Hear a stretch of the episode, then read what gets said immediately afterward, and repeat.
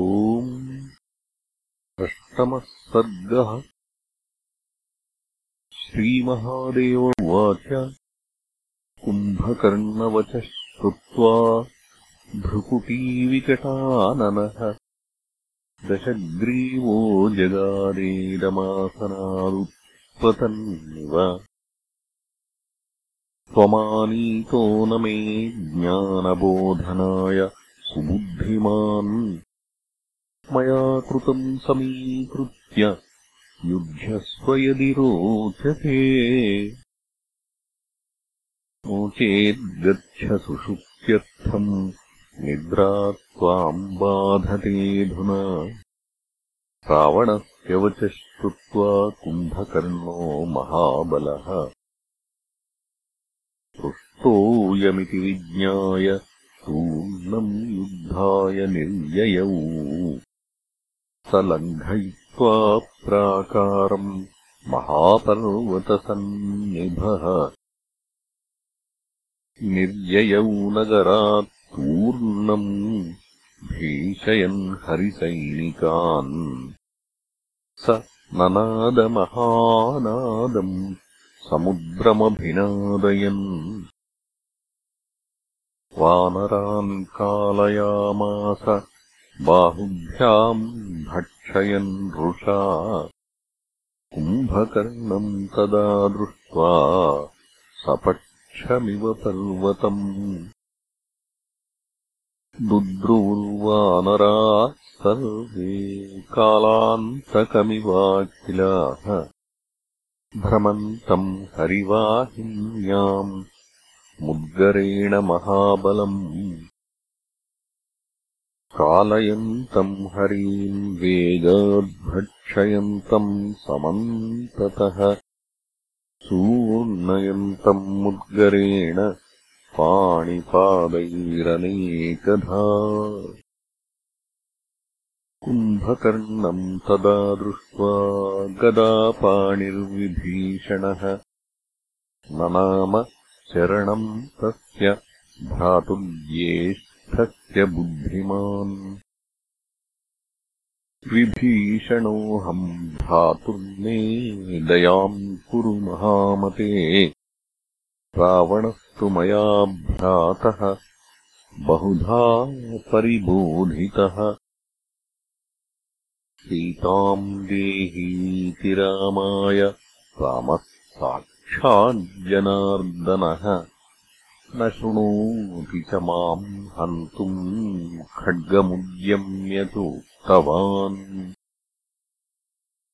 धिक्त्वाम् गच्छेति माम् हत्वा पदापापिभिरावृतः। चतुर्भिर्मन्त्रिभिः सार्धम् रामम् शरणमागतः। तच्छ्रुत्वा कुम्भकर्णोऽपि ज्ञात्वा भ्रातरमागतम् समालिङ्ग्य च वत्स त्वम् जीवरामपदाश्रयात्। कुलसंरक्षणार्थाय राक्षसानाम् हिताय च महाभागवतोऽसि त्वम् पुरा मे नारदाच्छ्रुतम् गच्छतातममेदानीम् दृश्यते न च किञ्चन। मदीयो वा परो वापि मदमत्तविलोचनः। इत्युक्तोऽश्रुमुखो भ्रातुश्चरणावभिवन्द्य सः। रामपार्श्वमुपागत्य चिन्तापर उपस्थितः कुम्भकर्णोऽपि हस्ताभ्याम् पादाभ्याम् प्रेषयन् हरीन् चचारवानरीम् सेनाम् कालयन् गन्धहस्तिवत्। दृष्ट्वा तम् राघवः क्रुद्धो वायव्यम् शस्त्रमादरात्। चिक्षेप कुम्भकर्णाय तेन चिच्छेदरक्षसः समुद्गरम् दक्षहस्तम् तम् तेन घोरम् ननादसः। सहस्तः पतितो भूमावनेकानर्दयन् कपीन्। पर्यन्तमाश्रिताः सर्वे वानरा भयवेपिताः रामराक्षसयोर्युद्धम् पश्यन्तः पर्यवस्थिताः कुम्भकर्णश्छिन्नहस्तः सालमुद्यम्यवेगतः। समरे राघवम् हन्तुम् दुद्रावतमथोच्छिनत् सालेन सहितम् वामहस्तमैन्द्रेण राघवः छिन्नबाहुमथायान्तम् नर्दन्तम् वीक्ष्य राघवः द्वावर्धचन्द्रौ निशितावादायास्यपदद्वयम् इच्छेदपतितौ पादौ लङ्काद्वारिमहास्वनौ। निकृष्टपाणिपादोऽपि कुम्भकर्णोऽतिभीषणः वडवामुखवद्वक्त्रम् व्यादाय रघुनन्दनम्। अभिदुद्राव निनदन् राहुश्चन्द्रमसम् यथा। अपूरयच्छिताग्रैश्च सायकैस्तद्रघूत्तमः। शरपूरितवक्त्रोऽसौ पुत्रोषातिभयङ्करः अथ सूर्यप्रतीकाशमैन्द्रम् शरमनुत्तमम्। वज्राशनिसमम् रामश्चिक्षेपासुरमृत्यवे स तत्पर्वतसङ्काशम् स्फुरत्कुण्डलदंष्ट्रकम् चकर्तरक्षोऽधिपतेः शिरोवृत्रविवाशनिः तच्छिरः पतितम् लङ्काद्वारि कायो महोदधौ। शिरोऽस्यरोधयद्वारम् कायो नक्राद्यतूर्णयत् ततो देवाः स ऋषयो गन्धर्वाः पन्नगाः खगाः सिद्धा यक्षा गुह्यकाश्च अप्सरोभिश्च राघवम् ईडिरे कुसुमासारैर्वर्षन्तश्चाभिनन्दिताः आजगाम तदा रामम् द्रष्टुम् देवमुनीश्वरः नारदो गगनात्तूर्णम् स्वभासा भासयन् दिशः। राममीवरश्याममुदाराङ्गम् धनुर्धरम् ईषत्ताम्रविशालाक्षमैन्द्रास्त्राञ्चितबाहुकम् दयार्द्रदृष्ट्या पश्यन्तम् वानरान् शरपीडितान्। दृष्ट्वा गद्गदया वाचा भक्त्या स्तोतुम् प्रचक्रमे। नारद उवाच देवदेव जगन्नाथ परमात्मन् सनातन। नारायणाखिलाधार विश्वसाक्षिन्नमोऽस्तु ते। विशुद्धज्ञानरूपोऽपि त्वम् लोकानतिवञ्चयन् मायया मनुजाकारः सुखदुःखादिमानिव। त्वम् मायया गुह्यमानः सर्वेषाम् हृदि संस्थितः स्वयम् ज्योतिस्वभावस्त्वम् व्यक्त एव अमलात्मनाम्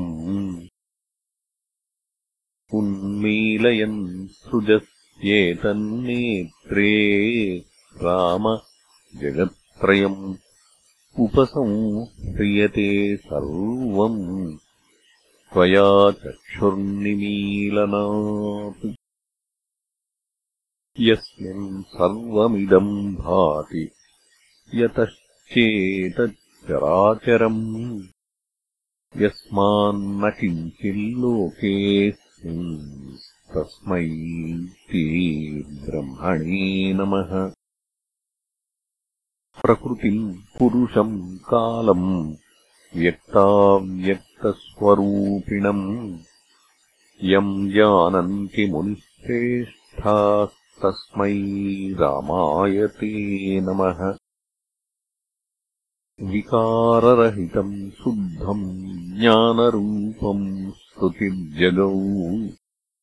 त्वाम् सर्वजगदाकारमूर्तिम् चाप्याः सा श्रुतिः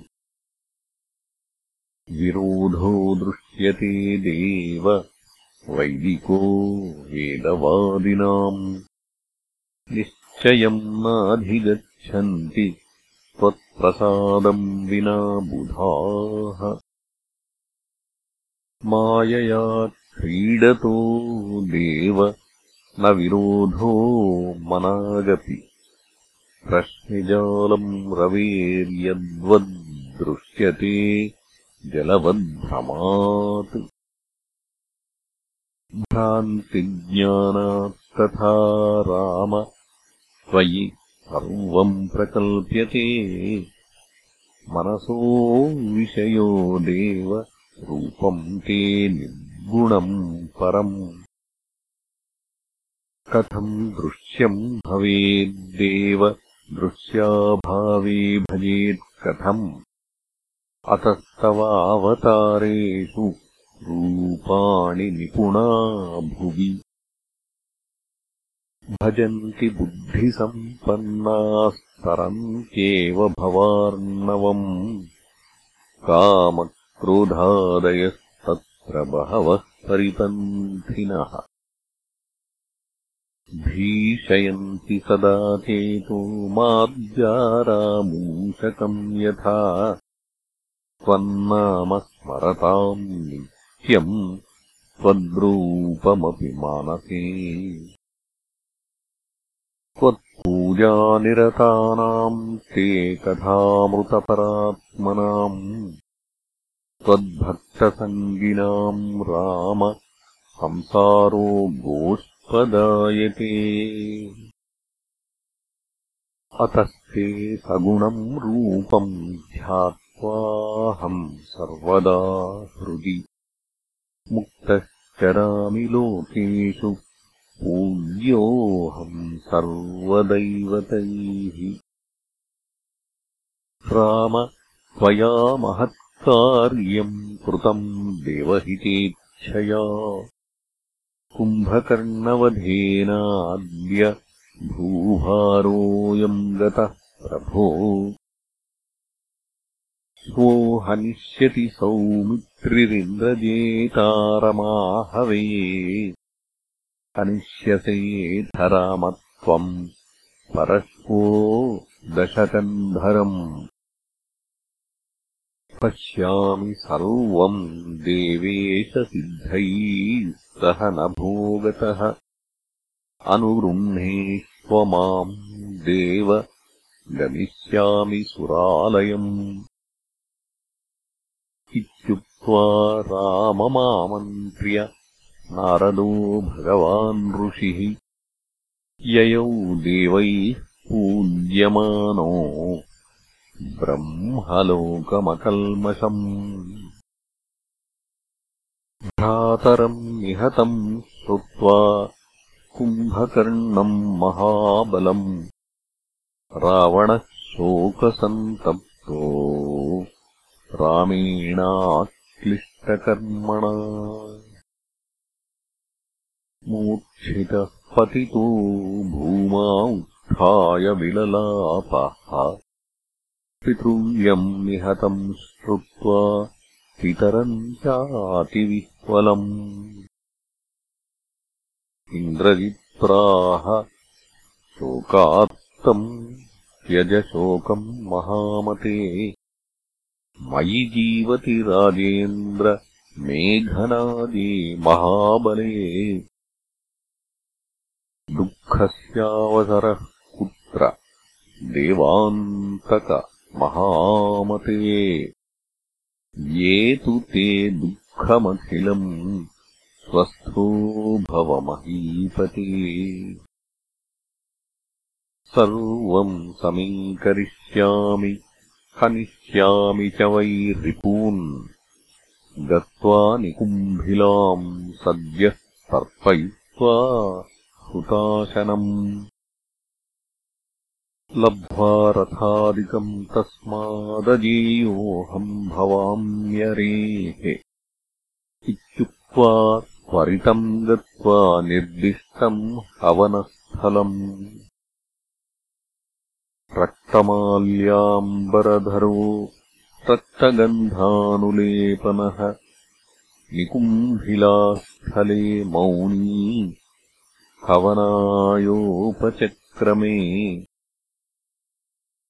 विभीषणोऽथ तच्छ्रुत्वा मेघनादस्य चेष्टितम् प्राह रामाय सकलम् होमारम्भम् दुरात्मनः समाप्यते चेद्धौमोऽयम् मेघनादस्य दुर्मतेः। तदा आजेयो भवेद्राम मेघनादः सुरासुरैः। अतः शीघ्रम् लक्ष्मणेन घातयिष्यामि रावणिम् आज्ञापय मया सार्धम् लक्ष्मणम् बलिनाम् वरम्। हनिष्यति न सन्देहो मेघनादम् तवानुजः। श्रीरामचन्द्र उवाच अहमेवागमिष्यामि हन्तुमिन्द्रजितम् रिपुम्। आग्नेयेन महास्त्रेण सर्वराक्षसघातिना विभीषणोऽपि तम् प्राह नासावन्यैर्निहन्यते। यस्तु द्वादशवर्षाणि निद्राहारविवर्जितः। तेनैव मृत्युर्निर्दिष्टो ब्रह्मणाह्यदुरात्मनः लक्ष्मणस्तु अयोध्याया निर्गम्यायात् त्वया सह। तदादि निद्राहारादीम् न जानाति रघूत्तम। सेवार्थम् तव राजेन्द्र ज्ञातम् सर्वमिदम् मया। तदाज्ञापय देवेश लक्ष्मणम् त्वरया मया हनिष्यति न सन्देहः। शेषः साक्षाद्धराधरः। त्वमेव साक्षाज्जगतामधीशो नारायणो।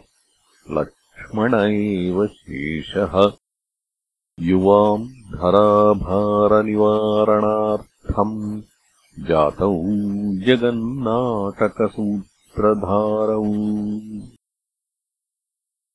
इति श्रीमदध्यात्मरामायणान्तर्गते उमामहेश्वरी संवादे युद्धकाण्डे अष्टमः सर्गः